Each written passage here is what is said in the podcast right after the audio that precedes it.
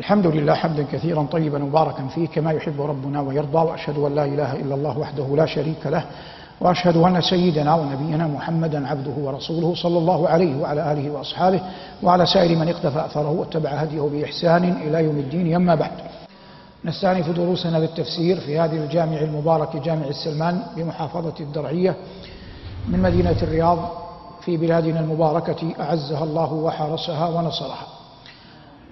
لقاء اليوم درس اليوم عنوانه آلهتنا خير أم هو؟ وهذه الآية الكريمة وردت في سورة الزخرف. والحاجة ماسة وقد كثرت الأقاويل في نزول المسيح ابن مريم عليه السلام. فلأجل هذا إن شاء الله تعالى سنتدارس هذه الآيات في ثلاث حلقات متتابعة بإذن ربنا. ونحاول أن نقف فيها على أشياء كفر نقرب ما بعد نيسر بعون الله ما صعب ندني ما هو بعيد لعل الله عز وجل أن ينفعنا وإياكم بما نقول. قال الله عز وجل ولما ضرب ابن مريم مثلا إذا قومك منه يصدون وقالوا آلهتنا خير أم هو؟ ما ضربوه لك إلا جدلا بل هم قوم خصمون إن هو إلا عبد أنعمنا عليه وجعلناه مثلا لبني إسرائيل. ولو نشاء لجعلنا منكم ملائكة في الأرض يخلفون وإنه لعلم للساعة فلا تمترن بها واتبعون هذا صراط مستقيم. بادي القول الله عز وجل يفيء على بعض عباده ابتلاء بشيء من القدرة لا يكون في غيرهم ويبتلى الإنسان بما يعطاه هل يستعمل ذلك في الخير أم يستعمل ذلك في الشر؟ والبعض قد يستعمله في الخير في أول حياته ثم لا يلبث أن يتغير يفتن بالدنيا وزخارفها. والبعض قد يستعمله في الشر في أول حياته ثم لا يلبث أن تداركه رحمة الله فيتوب الله عليه فيستعمله في الخير. عبد الله ابن الزبعر السهمي رجل من صناديد قريش قبل أن يسلم. وكان وكان شاعرا ذا جدل مقدما في قومه من بني سهم وبنو سهم إحدى قبائل قريش. قد مر معكم ولا بد لزاما أن تعلموا أن قريشا أفخاذ كفر. فمنهم بنو هاشم الذين منهم نبينا صلى الله عليه وسلم ومنهم بنو تيم الذين منهم أبو بكر ومنهم بنو عدي الذين منهم عمر. ومنهم بنو سهم الذين منهم عمرو بن العاص وعبد الله بن الزبيعرة وكان هناك باب في مكة في الحرم يسمى باب بني سهم وهو الآن في زماننا مكان باب العمرة مكان باب العمرة. فعبد الله بن الزبيعرة أعطي جدلا وشعرا وفروسية وهو القائل بعد يوم أحد. يرد على حسان ويتذاكر يوم بدر وما وقع فيه لأن قريش فرحت أعظم الفرح بنصرها يوم أحد. كما مر معنا أن أبا سفيان قال الحرب سجال يوم بيوم بدر. لكن هذه كلمات يسيرات قالها أبو سفيان. أما عبد الله بن الزبيعرة فقال ليت أشياخي ببدر علموا جزع الخزرج من وقع الأسل وقتلنا النصف من سادتهم وعدلنا بين بدر فاعتدل وعدلنا ميل بدر فاعتدل والقصيدة مطلعها يا غراب البين أسم يا غراب البين أسمعت فقل إنما تنطق شيئا قد فعل. والأبيات كثيرة لكنني أردت الاستشهاد على مقدرة هذا الرجل. الله عز وجل ذكر في القرآن عيسى بن مريم عيسى بن مريم عليه السلام. والنبي عليه الصلاة والسلام أخبر عنه. ومن ذلك فواتح سورة مريم سورة مريم سورة مكية. ثم أنزل الله عز وجل في سورة الأنبياء قوله إنكم وما تعبدون من دون الله حصب جهنم أنتم لها واردون. لما تلاها النبي عليه الصلاة والسلام على قريش لم يكن عبد الله بن الزبيعرة حاضرا. فلما عاد وأخبروه قال بما أجبتموه؟ قالوا لا شيء. فقال يجيب النبي صلى الله عليه وسلم قال إن كان حقا ما يقول محمد إنكم وما تعبدون من دون الله حصب جهنم أنتم لها واردون. فإن عيسى ابن مريم عبدته النصارى. فهذا يلزم من قول محمد أن يكون عيسى ابن مريم أين؟ في النار. والملائكة عبدها بعض العرب. فهذا يلزم من قول محمد إنكم ما تعبدون من دون الله حصب جهنم أنتم لها واردون أن تكون الملائكة في النار. ففرحت قريش بجواب عبد الله. فأنزل الله عز وجل قوله إن الذين سبقت لهم منا الحسنى أولئك عنها مبعدون. لا يسمعون حسيسها وهم فيما اشتهت أنفسهم خالدون. لكن هذا نفي صريح. وإلا أصل المسألة أن قول الله عز وجل إنكم وما تعبدون من دون الله حصب جهنم لا يدخل فيه عيسى بن مريم ولا الملائكة لأن ما لغير لغير العاقل. وقريش تعرف هذا. لأجل هذا قال الله عز وجل ما ضربوه لك إلا جدلا بل هم قوم خصمون. هذا أيها المبارك أصل المسألة. هذا ماذا؟ أصل المسألة. الآن نزدرف بالآيات. قال رب العزة ولما ضرب ابن مريم مثلا الله عز وجل ضرب ابن مريم مثلا على كمال قدرته وعلى أنه جل وعلا خلقه من غير من غير أب. إن مثل عيسى عند الله كمثل آدم خلقه من تراب ثم قال له كن فيكون.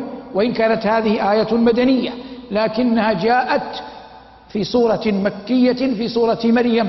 قال الله عز وجل فأتت به قومها تحمله. قالوا يا مريم لقد جئت شيئا فريا. يا أخت هارون ما كان أبوك امرأ سوء وما كانت أمك بغية؟ فأشارت إليه قالوا كيف نكلم من كان في المهد صبيا؟ قال إني عبد الله آتاني الكتاب وجعلني نبيا.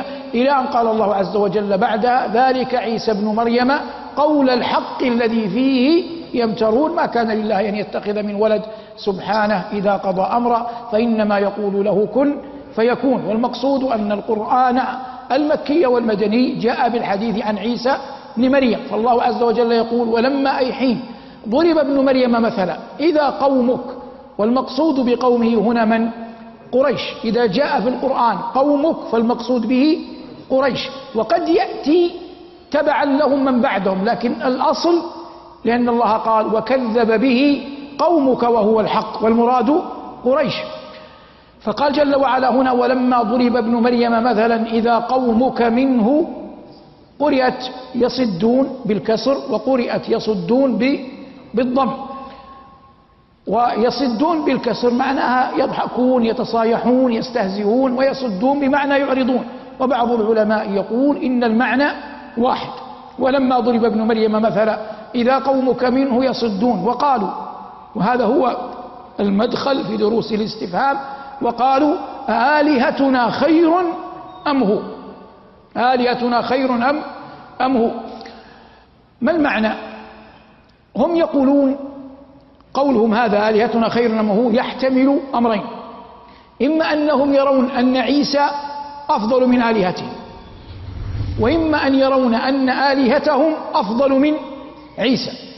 وعلى كلا الوجهين ماذا يكون مرادهم؟ يكون مرادهم على المعنى الأول أنهم يرون أن عيسى أفضل من آلهتهم فيكون المعنى عندهم إذا كان عيسى قد دخل النار وأصبح موجبا لأن يدخل النار لأنك تقول إنكم ما تعبدون من دون الله حسب جهنم فلا يضرنا من باب أولى أن تدخل من؟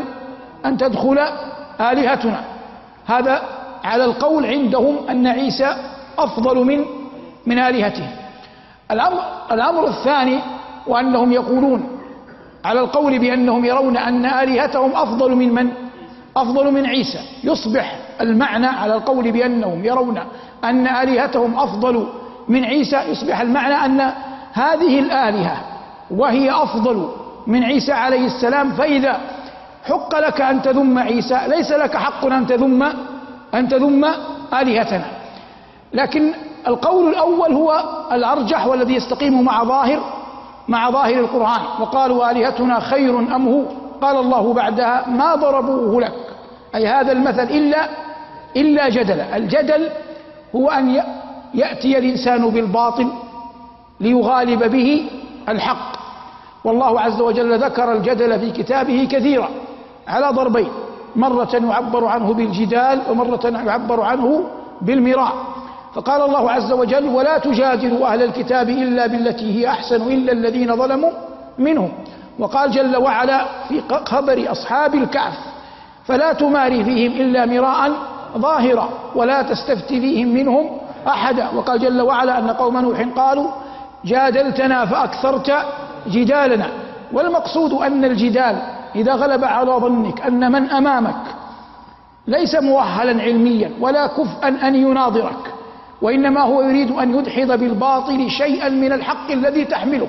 دفعه على ذلك حسد أو جهل أو غير ذلك فليس من الحكمة ولا من العقل ولا من الكمال أن تسعى في في جداله. وإنما يترك والأول يقول وهذا بيت يمر معك في حياتك العلمية والعملية كثيرا وإن سفاها منك أن تعلم جاهلا فيحسب جهلا أنه منك أعلم.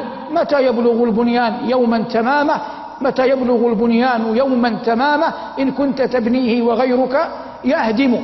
فأمثال هؤلاء لا يجادل لا يجادلهم الإنسان ولا يأخذ ولا يعطي معهم لأنهم لا يريدون حقا.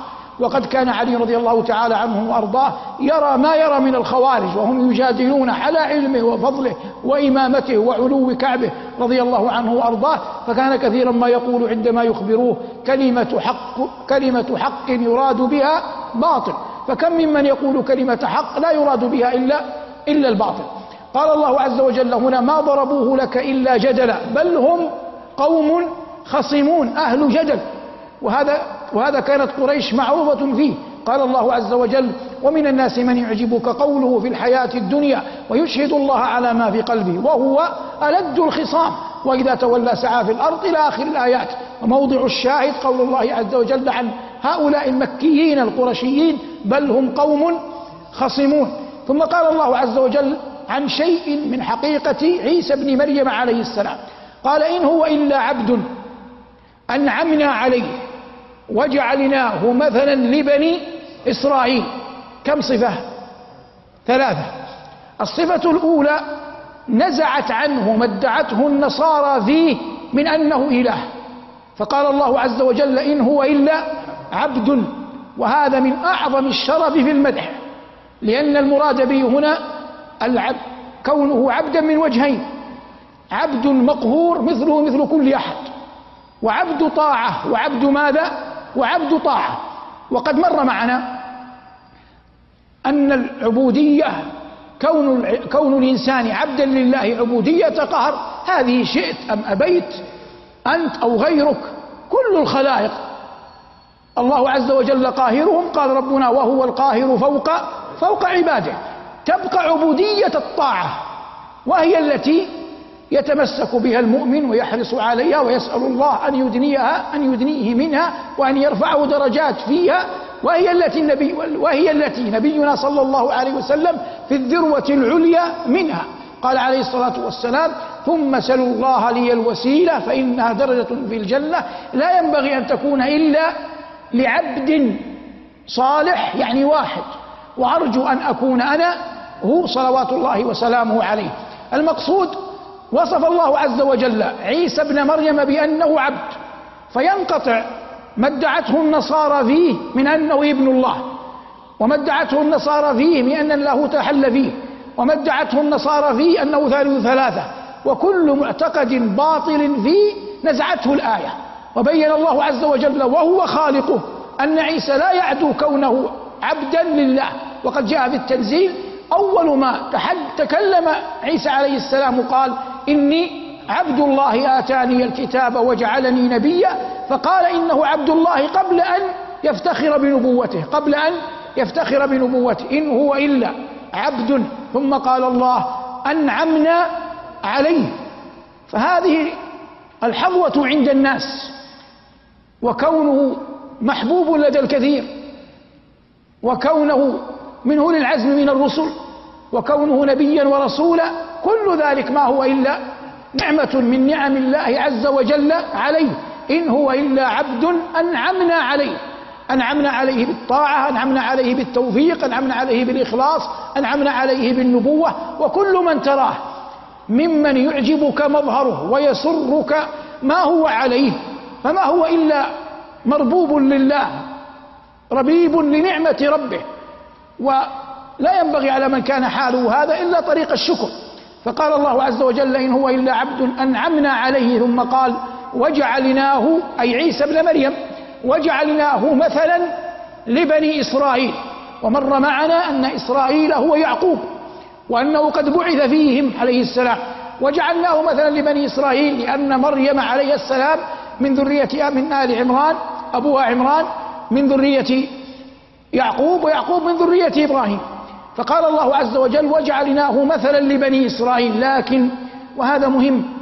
ظهر بعض أهل العصر عفى الله عنا وعنهم وهدانا الله وإياهم سواء السبيل فيقول إن الله يقول وجعلناه مثلا لبني إسرائيل فما علاقة أمة محمد, علاقة أمة محمد بعيسى؟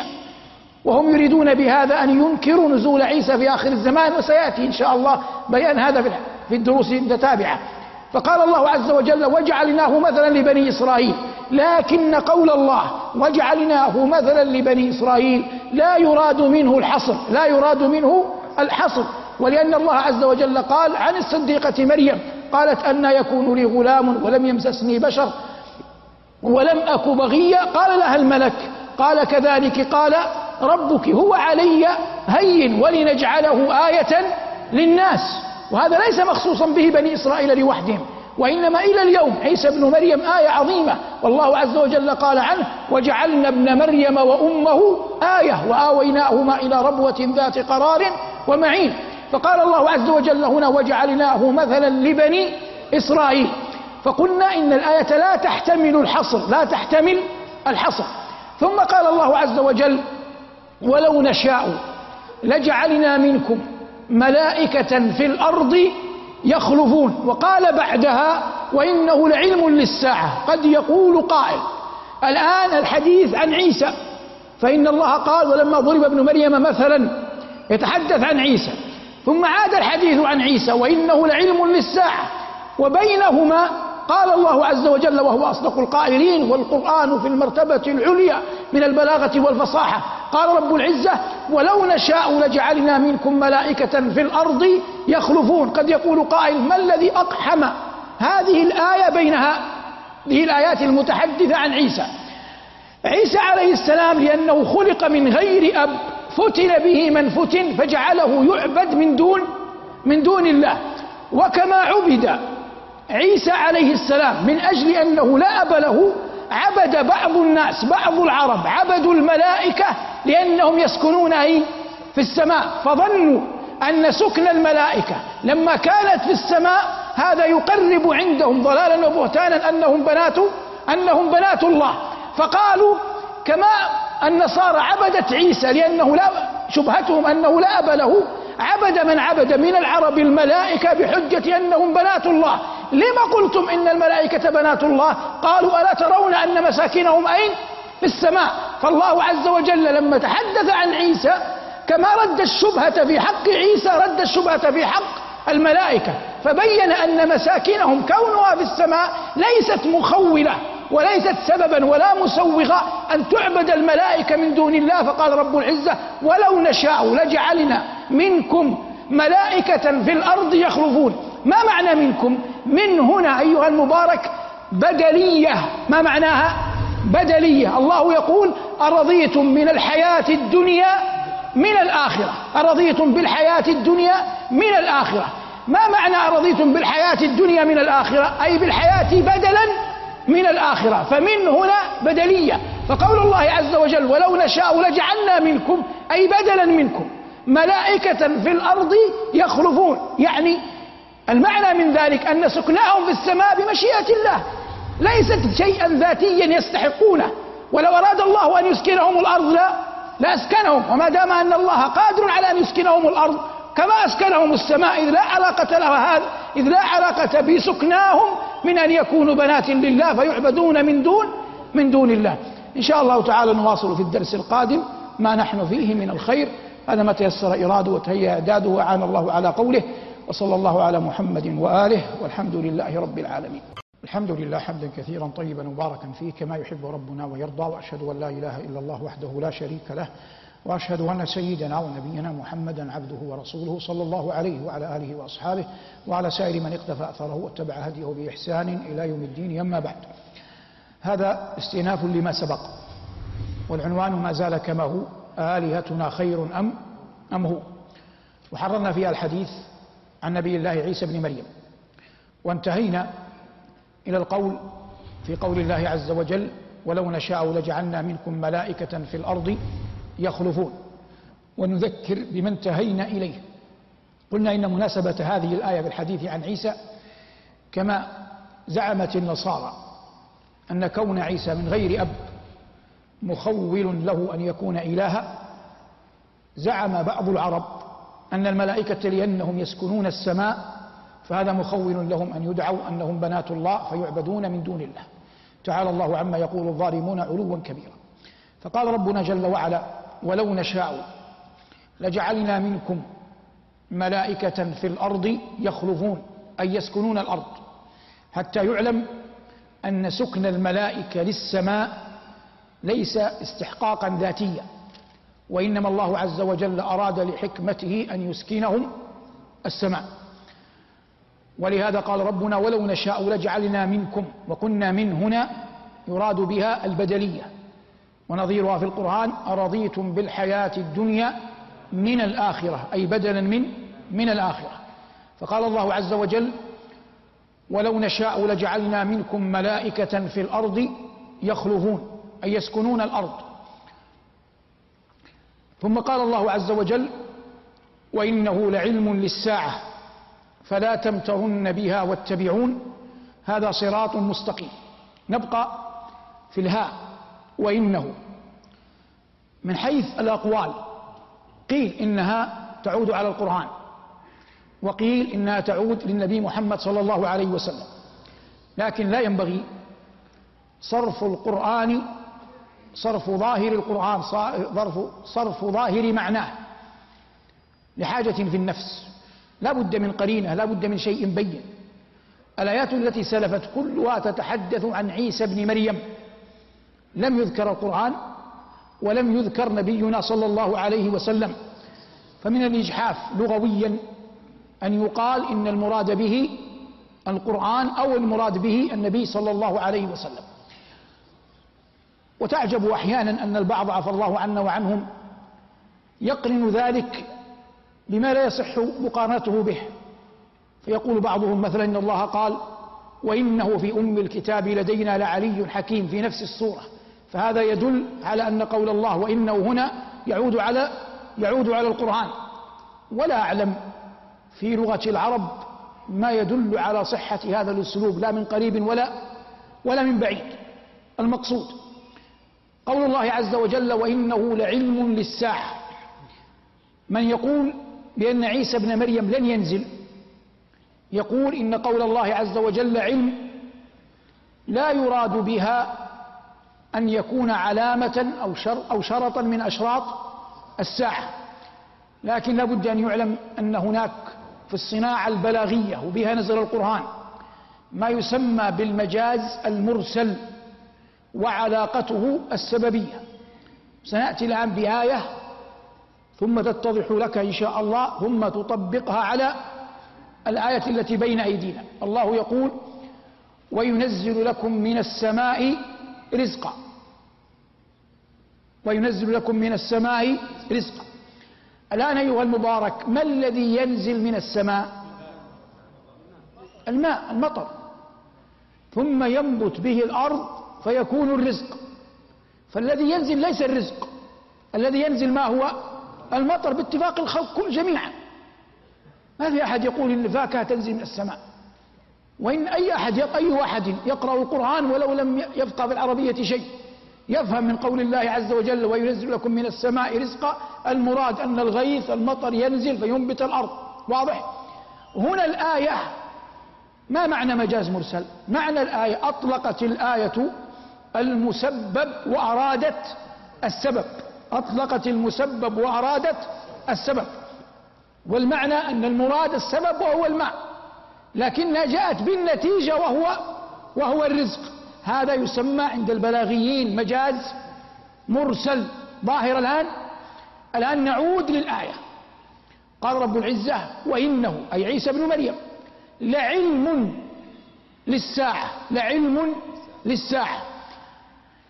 هنا القضية نفسها. كيف القضية نفسها؟ إذا كان عيسى بن مريم نزوله علم على على الساعة علامة من علامات الساعة هذا يدل علميا على على قربها. ماذا يدل على قربها؟ بمعنى إذا نزل عيسى يصبح لدى الناس الذين عاصروا نزوله علم أن الساعة قريبة علم أن الساعة قريبة. فحصول العلم في الزمن في عند الناس في الزمن الذي ينزل به عيسى بن مريم ناجم عن أنهم رأوا ماذا؟ رأوا نزوله. فنزوله عليه السلام سبب في العلم الذي في قلوبهم. فالله عز وجل ذكر المسبب وأراد وأراد السبب. كما قال جل وعلا ينزل لكم من السماء رزقا. ذكر المسبب الناتج وهو الرزق وأراد ماذا؟ وأراد الماء أراد الغيث الذي ينزل من السماء. هنا قال جل ذكره وإنه لعلم للساعة بمعنى أنه إذا نزل عليه الصلاة والسلام استقر في قلوب من حوله أن الساعة حق قريبة جدا. أو هذا العلم ورثوه من ماذا؟ من سبب نزوله. فنزوله عليه السلام سبب في حصول ذلك العلم وهذا أسلوب عربي مبين. كل من يقرأ القرآن كل من قرأ المعلقات كل من عرف كلام العرب الفصحاء إلى زمن الاستشهاد إلى أواخر القرن الأول علم أن هذا أظهر من الشمس في رابعه النهار. فقال جل وعلا وإنه لعلم للساعة فلا تمترن بها. أي بماذا؟ أي بالساعة. واتبعون أي أن النبي صلى الله عليه وسلم يدعو كفار قريش يدعو, يدعو من يتلى عليه القرآن يدعو كل أحد يصل القرآن إليه أن يتبعه صلوات الله وسلامه عليه لأن في اتباعه دخول دخول الجنة. قل إن كنتم تحبون الله فاتبعوني يحببكم الله. هذا صراط مستقيم أي هذا هو الطريق الحق هذا السبيل الأمثل هذا المنهج الواضح الذي يدل على الوصول إلى رب العالمين جل جلاله. قال الله وإنه لعلم للساعة فلا تمترن بها واتبعون هذا صراط مستقيم. هذا ما انتهينا إليه من الآيات. نأتي الآن إلى ما يتعلق بالآيات من قولنا علامات الساعة من قريب أو أو بعيد. لكننا يعني نستصحب أننا فصلنا هذا كثيرا. لذلك سأخطط طريقا آخر ونحن نبين هذا. ينبغي أن يعلم أن الساعة أعظم الغيبيات. يسألونك عن الساعة أيان مرساها؟ قل إنما علمها عند ربي. لا يجليها لوقتها إلا هو ثقلت السماوات والأرض لا تأتيكم إلا بغتة. وهل ينظرون إلا الساعة أن تأتيهم بغتة فقد جاء أشراطها؟ وهذا لا خلاف فيه. لكن الله عز وجل قال وقوله الحق فقد جاء أشراطها أي لها علامات. وقال جل وعلا في, خبر في وحيه إلى نبيه موسى في كلامه معه إن الساعة آتية أكاد أخفيها. الآن أنت عربي. ومن لم يكن منكم عربيا يعرف العربية. إني أكاد أخفيها. أنا أسألكم. الله أخفاها بالكلية أو لم يخفيها؟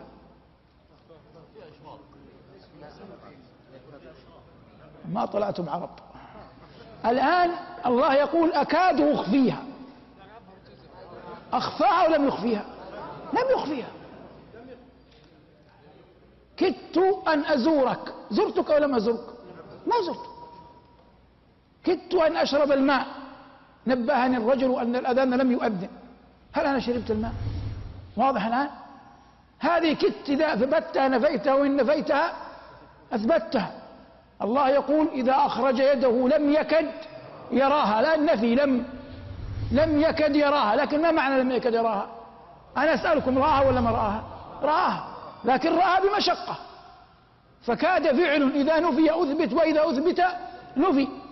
فالله عز وجل يقول إن الساعة آتية أكاد أخفيها. والمعنى أنه أظهر لها علامات أظهر لها أشراط لكن حينها وقتها هذا الذي أخفاه الله عن كل أحد. قال أخبرني عن الساعة قال ما المسؤول عنها بأعلم من السائل؟ قال فأخبرني عن أشراطها. فقربها جعل الله له علامات. وهذا معنى قول الله عز وجل إني أكاد أخفيها. هذه العلامات منها ما جاء في القرآن ومنها ما جاء في سنة متواترة من المكابرة والجرأة على الله ردها. ومنها ما جاء في سنة متواترة تواترا معنويا الجمهور عليه لكن لا, لا نقول إنه مثل الأول ردها مكابرة. واضح؟ يعني درجات.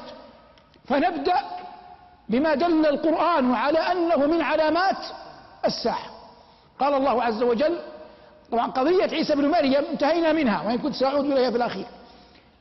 عيسى بن مريم الآية التي بين أيدينا في الزخرف والله يقول وإن من أهل الكتاب إلا ليؤمنن به قبل قبل موته ويوم القيامة يكون عليهم شهيدا.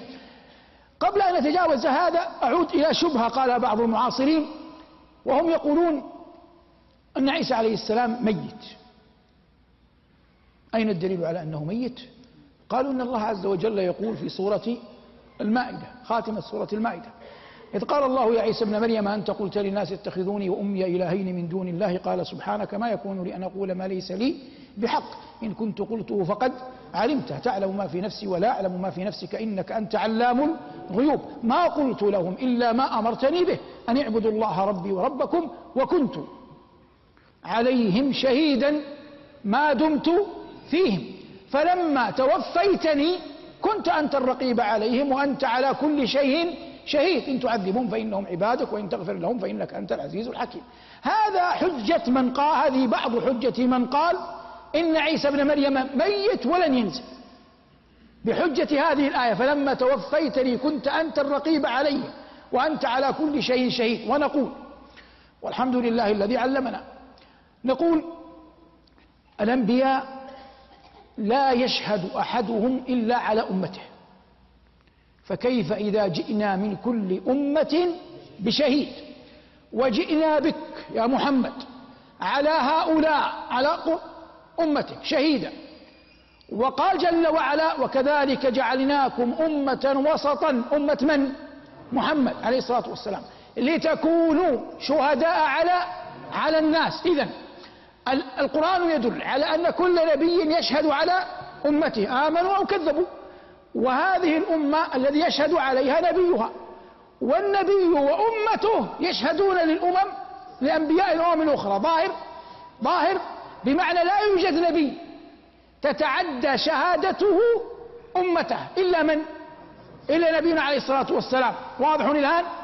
فعيسى عليه السلام غير مسؤول شهادة عن أحد إلا عن من بعث فيهم في بني من بني إسرائيل. فهو ماذا يقول هنا؟ يقول ما قلت لهم إلا ما أمرتني به أن اعبدوا الله ربي وربكم وكنت عليهم شهيدا ما دمت فيهم. وهو بينهم شهد عليهم. فلما توفيتني هنا ما لا يمكن لا يمكن طرح السنة المتواترة والاكتفاء بالآية. لا يمكن أن تفهم شيئا. محال محال تفهم شيئا حتى تجمع كل ما يتعلق بهذا الشيء. الآن قبل أن نفصل الآية أي محقق يدخل على جريمة وقعت؟ لا يستطيع أن يحكم حتى ينظر إليها من جميع من جميع نواحيها حتى يجمع كل ما يتعلق بالجريمة. يا أخي إن كان هذا مثل غريب لكن تحملوه. حتى تبعد الشبهة عن الناس. هذه الألعاب الورقية التركيبية. أنت لا تستطيع أن تتمها حتى تكتمل جميع الأوراق عندك. وإلا لو فقدت واحدة منها لا يمكن أن تكون الصورة كاملة. مستحيل. مستحيل أن تصل إلى المقصود إذا فقدت شيئا. ظاهر؟ كذلك عندما تتحدث عن نزول عيسى بن مريم ليس دينا ولا أمانة ولا عقلا ولا يقبل أن تأخذها من آية واحدة. اجمع جميع الآيات في الباب واجمع جميع الآيات والأحاديث في الباب ثم بعد ذلك من جميع الآيات من جميع الأحاديث يظهر لك الأمر كاملا بينا واضحا.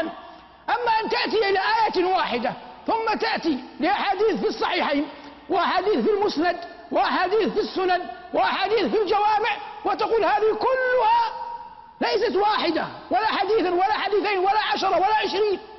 تقول أربعين حديث ثلاثين حديث كلها غير صحيحة. حتى تستقيم معك الآية مستحيل. هب أن البخاري رحمه, رحمه الله فرضنا جدليا أخطأ في حديث. طب والحديث الآخر أخطأ فيه البخاري؟ والحديث الثالث أخطأ فيه مسلم؟ والرابع أخطأ الإمام أحمد في نقله؟ والخامس أخطأ فيه أبو داود؟ والثالث أخطأ فيه النسائي؟ هذا ليس معقولا. إذا كل السنة رجعت.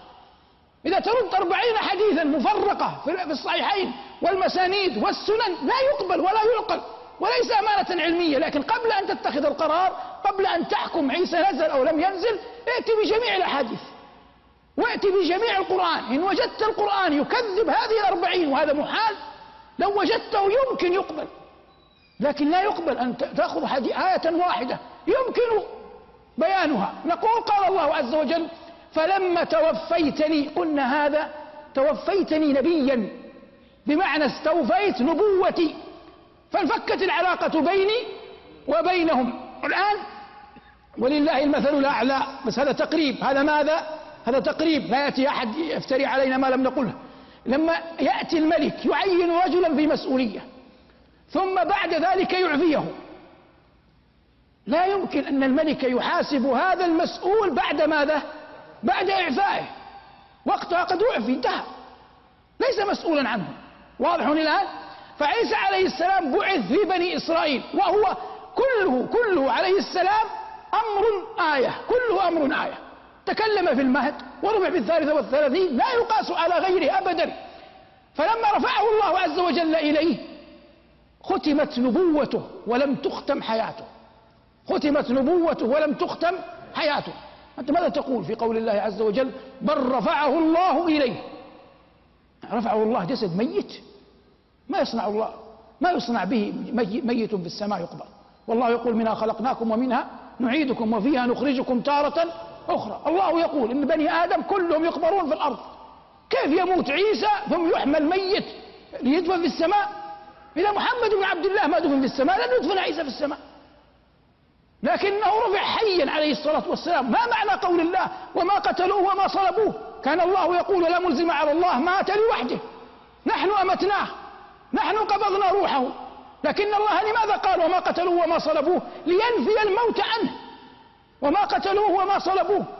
لو أراد الله أن يخبر أنهم ما تسلطوا عليه مجرد أنه مات موتة طبيعية في غير القرآن يقول الله ولا ملزم عليه وما قتلوه وما صلبوه لكن قبضنا روحه. لكن الله قال وما قتلوه وما صلبوه ولكن شبه لهم. وإن الذين اختلفوا فيه لفي شك منه ما لهم به من علم إلا اتباع الظن. وما قتلوه يقينا. ما الذي وقع؟ ما الذي حصل؟ قال رب العزة بل رفعه الله إليه. وكان الله عزيزا حكيما. ثم قال بعدها وإن والآن قال رفعه. قال بعدها وإن من أهل الكتاب إلا ليؤمنن به قبل موته أي أنه إلى الآن لم يمت. ويوم القيامة يكون عليهم شهيدا. واضح الآن؟ فعيسى عليه السلام ليس موكلا بهذه الأمة فلما تمت نبوته ورفع على أنه حررنا هذا كثيرا فلما رفعت نبوته عليه السلام وارتفع هو جسدا وروحا إلى السماء لم يجري الله عليه الزمن. لم يجري عليه ماذا؟ الزمن. يعني لا يتغير مثل أصحاب الكهف لم يتغير منهم شيء. ثم يعود وينزل عليه السلام كما دلت عشرات الأحاديث. في البخاري وفي مسلم وفي المسند وفي سنن أبي داود وابن ماجه والدار قطني والطبراني. كل هؤلاء نقلوا أحاديث عن عشرين ثلاثين أربعين صحابيا خطأ هذا لا يقبل لا يعقل. محال. إذا شكك في مثل هذا يشك في كل شيء. لم يبقى عند الناس دين يعتمدون عليه. ظاهر الآن سنتم إن شاء الله تعالى ما يتعلق بعد ذلك في الآيات التي في القرآن أو في السنة هذا ما تيسر إرادة وتهيأ إعداده وعان الله على قوله وصلى الله على محمد وآله والحمد لله رب العالمين. الحمد لله على فضله والصلاة والسلام على أشرف خلقه وأكرم رسله وبعد. نستأنف الدرس الثالث تحت قول الله عز وجل أو في قول الله عز وجل آلهتنا خير أم أم هو؟ وكنا قد قلنا في اللقاءين السابقين أننا نتحدث عن نبي الله عيسى بن مريم وتحدثنا في ردنا على بعض من يقول إن عيسى بن مريم عليه السلام لن ينزل. وبينا أن ظاهر القرآن وصريح السنة يدل على نزوله عليه الصلاة والسلام. وهذا معتقد حق ومع ذلك ينبغي أن يعلم أننا لا نكفر أحدا يغلب على ظنه أنه لن ينزل. ولا نعادي أحدا من أهل الإسلام وليس المقصود أن يعلى شأن أحد أو أن يخفض فالعلم أجل وأكبر من ذلك. وما عند الله من الأجر والثواب لا يبتغى بمعاداة أهل الإسلام ولا بالنقص منهم ولا بالتطاول في العلم ولا بمحاولة التصدر في المجالس ولا غير ذلك. إنما يطلب ما عند الله بطاعته ومن طاعته أن يبين الإنسان الحق للناس فيما غلب على ظنه. ويقول لعل من أخطأ في هذا الباب له عذره. والله أعلم بمراده. ولا يتحمل الإنسان في ذمته القدح في نوايا الناس والتصغير منهم أو الإقلال بحقهم أو ذمهم لا تصريحا ولا تلميحا. هذا ليس ولله الحمد من طرائقنا ولا من هدي الصالحين قبلنا. ونحن نتأسى بالأخيار. ولعل حاكمنا في ذلك قول الله عز وجل والذين جاءوا من بعدهم يقولون ربنا اغفر لنا ولإخواننا الذين سبقونا بالإيمان ولا تجعل في قلوبنا غلا للذين آمنوا. نكمل ما كنا نحن فيه. وعدنا بحمد الله أننا سنتحدث عن بعض أشراط الساعة وقلنا نبدأ بما دل عليه القرآن. فذكرنا عيسى ابن مريم. يأتي بعد ذلك خبر يأجوج ومأجوج. وأنا أتحدث من باب الإجمال. لأن التفصيل قلته. قال الله حتى إذا فتحت يأجوج ومأجوج وهم من كل حدب ينسلون واقترب الوعد الحق. فقول الله عز وجل بعد قوله حتى إذا فتحت يأجوج ومأجوج قوله واقترب الوعد الحق هذه قرينة. على أن خروجهما علامة من علامات الساعة. عندما يستقر هذا لا ينبغي لأحد بعد ذلك أن يمنعنا من أن ننظر في السنة لوجود أصل عظيم من القرآن في المسألة. إن يأجوج ومأجوج مفسدون في الأرض فهل نجعل لك خرجا على أن تجعل بيننا وبينهم سدا؟ القرآن يفسر بعضه بعضا هذا في الكهف. هذا السد يفتح. أين متى يفتح؟ كيف يفتح؟ قال الله حتى إذا فتحت. فقول جل وعلا حتى إذا فتحت يدل عقلا على أن هناك شيء مغلق. من الذي أغلقه ذو القرنين؟ متى؟ عندما بلغ بين السدين وجد من دونهما قوما لا يكادون يفقهون قولا. فخروج يأجوج ومأجوج علامة قطعية من علامات قرب الساعة. هذا إلى غير ذلك من الأحاديث الصريحة في هذا الباب. وقلت أنا هنا أتحدث عما أثبته القرآن وأثبتته السنة لكنني أبدأ بما أثبته القرآن ذكره القرآن من علامات الساعة. قال رب العزة يوم يأتي بعض آيات ربك لا ينفع نفسا إيمانها لم تكن آمنت من قبل أو كسبت في إيمانها خيرا. لم يقل رب العزة هنا ما هي هذه الآيات. يوم يأتي بعض آيات ربك. لكن دلت السنة على أن المقصود من قول الله عز وجل يوم يأتي بعض آيات ربك لم يكن ينفع نفسا لم ينفع يوم يأتي بعض آيات ربك. أخبر الله أن نفسا لا ينفع إيمانها دلت عليه السنة أنه طلوع الشمس من من مغربها لأن هذا الإخفاء في سورة الأنعام بينته السنة. وهذا مما يدل عليه القرآن فإن الله أنزل الكتاب والذكر على قلب نبينا ليبينه لمن؟ ليبينه للناس. وقد فعل. وأدى الأمانة وبلغ الرسالة صلوات الله وسلامه عليه. فطلوع الشمس من مغربها يعرف بضميمتين. بماذا؟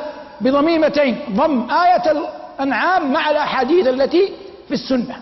مع الأحاديث التي في السنة. وقال جل وعلا في سورة النمل وهذه علامة ثالثة وإذا وقع القول عليهم أخرجنا لهم دابة من الأرض. تكلمهم أن الناس كانوا بآياتنا لا يوقنون. فهذا خروج الدابة علامة من علامات الساعة بنص القرآن. نعم ليس معنا دليل بين واضح صريح يرفع للنبي صلى الله عليه وسلم متى وأين تخرج. لكن ثمة آثار لو لم تقبلها لو توقفت عنها لك الحق. وهم يقولون في الآثار أن من جبل الصفا من مكة من أجياد كل ذلك قيل.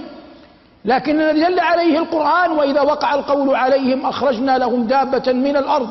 تكلمهم أن الناس كانوا بآياتنا لا يوقنون. الآن ربنا يقول أخرجنا؟ وربنا يقول تكلمهم. فلا يقبل أن يأتي أحد ويخرج ظاهر هذه الآيات البينة الواضحة عن حقيقتها ويتأولها تأولا غير مقبول. لابد أن يعلم الفهم العام للدنيا يختلف. الدنيا إن صح فهمي. ما أنسب إلى الله ورسوله شيء. بدأت بشيء من الخوارق ثم استقرت. ثم إذا آذنت بزوال تعود إلى تعود إلى الخوارق. فآدم عليه السلام هبط وطوله ستون ذراعا. وهذا غير موجود الآن. وثم نوع من الحياة دل عليها القرآن لا أريد أن أخوض فيها. ثم استقر الناس على ما هم عليه. ثم إذا أذن الله عز وجل يعني كون سفينة نوح ربنا يقول احمل فيها من كل زوجين اثنين. وأنت تتعجب أن جميع ما ذرأ الله على الأرض كله وجد في سفينة نوح. هذا شيء من الخوارق.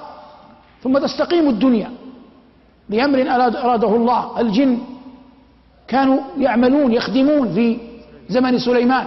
ربنا يقول يعملون له ما يشاء من محاريب وتماثيل وجفان كالجواب وقدور الراسيات اعملوا آل داود شكرا. ويقول ادخل الصرح فلما رأته حسبته لجة وكشفت عن ساقيها. ثم استقر الأمر كما هو عليه الآن. ثم إذا دنت الساعة كأن الأمر يعود إلى ما كان عليه. قال عليه الصلاة والسلام لا تقوم الساعة حتى تكلم السباع الإنس. يتغير الوضع. فأول ما يضطرب يضطرب العالم الأرضي. كيف يضطرب العالم الأرضي؟ الحمى العداوات تنزع يضع الطفل إصبعه في فم الحية كما قال صلى الله عليه وسلم فلا تضره. والشاء والذئب يمشي مع الشاة كأنه كلبها بعد أن كان عدوا لها. كل ذلك مؤذن بزوال. هذا خلق عظيم. له رب جليل كريم حكيم عليم. ثم بعد ذلك من هذه الأمور في الاضطراب في العالم السفلي تخرج الدابة. فالله يقول تكلمهم أن الناس كانوا بآياتنا لا يوقنون حتى تقوم الحجة. والغالب والعلم عند الله أن آية طلوع الشمس من مغربها وخروج الدابة متجاورين أن هاتين الآيتين متجاورتان جدا. فأيهما سبقت فالأخرى بعدها تبعا. لأن الخطم الذي تصنعه الدابة على من كفر يعني بذلك أنه سيبقى على كفره. والذي يمنعه من أن يعود إلى الإيمان أن باب التوبة قد قد أغلق. فيضطرب العالم الأرضي ثم يضطرب العالم العلوي. قال ربنا إذا الشمس كورت وإذا النجوم انكدرت وقال وإذا الشمس إذا السماء انفطرت. ثم بعد ذلك يأمر, يأمر الله إسرافيل أن ينفخ. أنا أتيت من النهاية لكن نعود لما نحن فيه خروج الدابة. هذه أشراط وعلامات ذكرها الله أين؟ في القرآن. هذه مجمع عليها. قال رب العزة فارتقب يوم تأتي السماء بدخان مبين. هذه فيها خلاف. أين الخلاف؟ هل هذا وقع أو لم؟ أو لم يقع. لوجود تفسير للصحابة للآية. فلا نقول أنه يضلل من قال إن الدخان لم يأتي بعد. ولا نضلل من قال إن الدخان قد أتى من من قبل. لأن هذا رأي ابن مسعود رضي الله رأي ابن مسعود رضي الله تعالى عنه وأرضاه. هذه بعض علامات الساعة التي دل عليها القرآن. ثمة علامات لم يأتي ذكرها في القرآن. ونبدأ بعلامتين شهيرتين. خروج المهدي. هناك أحاديث كثر تقول بأنه سيخرج في آخر الزمان رجل من ذرية النبي صلى الله عليه وسلم من ولد فاطمة من ذرية الحسن على قول يملأ الأرض عدلا كما ملئت جورا. ولا حديث تصف بعض هيئته. منحسر الشعر عن جبهته. أقنى الأنف. يعني أوصاف جسدية. لكن نتكلم باب العرض العلمي. هذه الأحاديث ليس منها في الصحيحين شيء لكنها موجودة في المسانيد والسنن. ظاهر؟ بأسانيد صحيحة. فجماهير أهل العلم من السلف والخلف قديما وحديثا أئمتنا كبارنا من سبقنا إلى الله من أهل العلم جلهم السواد الأعظم من الأمة. يقولون إن خروج المهدي حق. واسمه محمد بن عبد الله جمعا بين الأحاديث. ظاهر.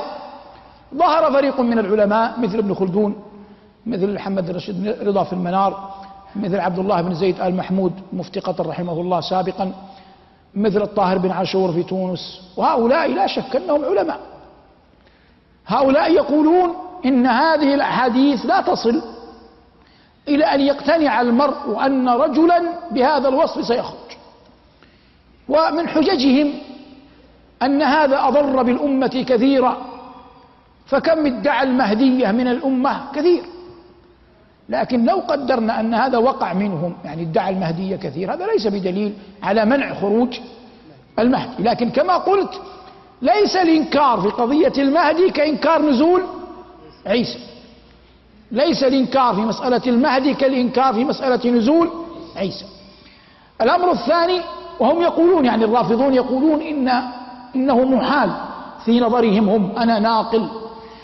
في محال أن يأتي الشرع بشيء يتعلق بالجسد. لأن انحسار الشعر عن الجبهة من اليمين واليسار هذا في أكثر الناس. كونه الأنف يكون عال فيه ميل قليل. هذا في كل أكثر من ينتسب لأهل البيت فيه من هذا شيء نسبي. شيء يعني إذا وجد في ذرية خلاص يوجد في الباقين. واضح المقصود؟ هذه حجة من يقول لكن كما قلت أئمتنا علماؤنا السواد الأعظم من الأمة الإمام البخاري الإمام أحمد الشيخ بن باز ابن تيمية ابن القيم جماهير علماء المسلمين كلهم يقولون بأن خروج المهدي حق. الآية الأخرى الدجال والدجال لم يذكر في القرآن. لم يذكر في القرآن البتة. لكن قال بعض أهل العلم ربما قالوا ربما يراد من قول الله عز وجل لخلق السماوات والأرض أكبر من خلق الناس. قالوا المقصود أكبر من خلق الدجال وهذا بعيد بعيد جدا. ولا يقول به أحد عرف شيئا في التفسير لكن قلته لأنه موجود ظاهر. لكن في الصحيحين وفي السنن وفي المسانيد خبر من؟ خبر الدجال. والآن أقول إن من المكابرة العلمية أن يرد أحد أحاديث الدجال. إن من المكابرة العلمية أن يرد أحد أحاديث الدجال. أحاديث الدجال حق والاستعاذة منه عياذا بالله حق وما جاء عنه عن الرسول صلى الله عليه وسلم في حقه حق. لوجود هذا في البخاري في صحيح البخاري وفي صحيح مسلم في مسند الإمام أحمد وفي سنن أبي داود في كثير من كتب حديث أهل الإسلام. واضح الآن؟ والدجال فتنة عظيمة. وفي الصحيح ما من فتنة منذ أن خلق الله آدم إلى أن تقوم الساعة أعظم من أعظم من الدجال. وأمرنا أن نستعيذ في صلاتنا منه. نعوذ بالله من عذاب النار ومن عذاب القبر ومن فتنة المسيح الدجال ومن فتنة المحيا والممات فخروجه حق. وجماهير أهل العلم يقولون إن هذه الثلاثة المهدي والدجال وعيسى متقاربة. قد يكون بعضها تبعا تبعا لبعض لكن يقول ما قالوه حق لكن يبقى الغيب غيبا. لا يستطيع الإنسان أن يجزم فيه جزما تاما يعني لا يستطيع أن يجزم في تفصيله. لا في مجمله في مجمله جاء به الخبر عن رسول الله صلى الله عليه وسلم لكن في تفصيله قد يتوقف الإنسان في في مسائل. مما جاء في جاءت به السنة أنه من أشراط الساعة أن الفرات وهو نهر معروف في العراق ينحسر عن جبل من من ذهب لكن ينبغي أن يعلم. قدر الله يأتي موقوتا ما لا يستطيع أحد أن يدنيه. كما لا يستطيع أحد أن أن يبعده يعني ما كتبه الله متى سيقع سيقع. لو اجتهد الناس كلهم أن يأتوا بما يملكون من أن يدفعوا الفرات على أن ينحسر حتى يظهر الجبل الذي من ذهب. إن لم يكن هذا في الزمن الذي كتبه الله لن يقع ولن ينحسر واضح؟ وهذا مهم. لأن يوجد الآن من يسعى قدر الإمكان يعد يريد التعجيل بالساعة حتى ينحسر الفرات عن ذهب حتى يصبح ما هم عليه حقيقة. وهذه الأمور ما تأتي باللغة العامية بين قوسين ما تأتي بالعافية. هذه أشياء كتبها الله على مراحل لن تقع إلا في وقتها. إن الله لا يعجل لعجلة أحد من من خلقه. وإما نرينك بعض الذي نعدهم أو أو نتوفينك. قد يقع في حياتك وقد يقع في بعد مماتك. هذا في حق نبي الله صلى الله عليه وسلم. فكيف يأتي إنسان عفى الله عنا وعنهم وهدينا الله وإياهم سواء السبيل أن يطالب الكون أن يتغير يدنيه هذه العلامات مثل الموت. ما أحد يذهب إلى الموت ويموت حتى يكتب الله له أن يموت. ولا يستطيع أحد أن يتأخر عن الموت. هذه الله يقول إنا كل شيء إنا كل شيء خلقناه بقدر. ما يمكن أن يقع هذا إلا بمثل إلا في الوقت الذي يريده الله لحكمة أرادها الله لما يبنى عليه بعده. لكن نقول إن انحسار الفرات عن جبل من ذهب دل عليه قول نبينا صلى الله عليه وسلم. فتح القسطنطينية هذه بعض العلامات على وجه الإجمال. ملحمة كبرى تقع بين أهل الإسلام والروم؟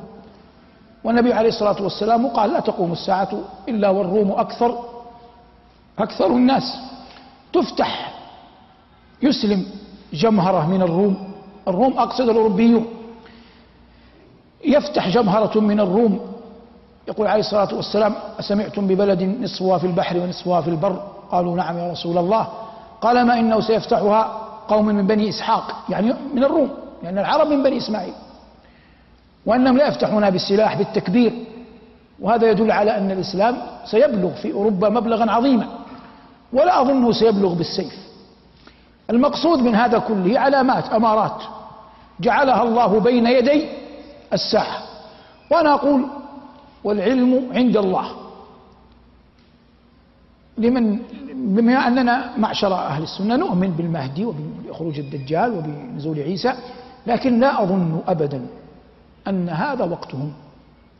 على ما أعلمه من كتاب الله وسنة النبي صلى الله عليه وسلم وعلى ما أفهمه ويبقى علمي قاصرا لكن لا أظن أبدا أن هذا زمان المهدي أو أن هذا زمان الدجال أو أن هذا زمان أن هذا زمان نزول عيسى بن مريم. وإن كان سيقع لكنه لما بعد لما بعد لما بعد في علم الله الله أعلم متى يكون. لكن ليس هناك من الأمارات والعلامات فيما أفهم وليس كل شيء نستطيع أن أقوله ثمة علم يجوز كتمانه. لكن من حيث الأمر كله الله أعلم متى يكون هذا. قل لا يعلم من في السماوات والأرض قل لا يعلم من في السماوات والأرض الغيب إلا إلا الله. وما يشعرون أيان يبعثون. علمنا الله وإياكم ما ينفعنا ونفعنا بما علمنا. بهذا نكون قد انتهينا من اللقاءات المعنية بقول الله عز وجل آلهتنا خير أم هو؟ في الدرس القادم إن شاء الله سنفيء إلى آيات أخر من كتاب الله. سبحان ربك رب العزة عما يصفون وسلام على المرسلين والحمد لله رب العالمين.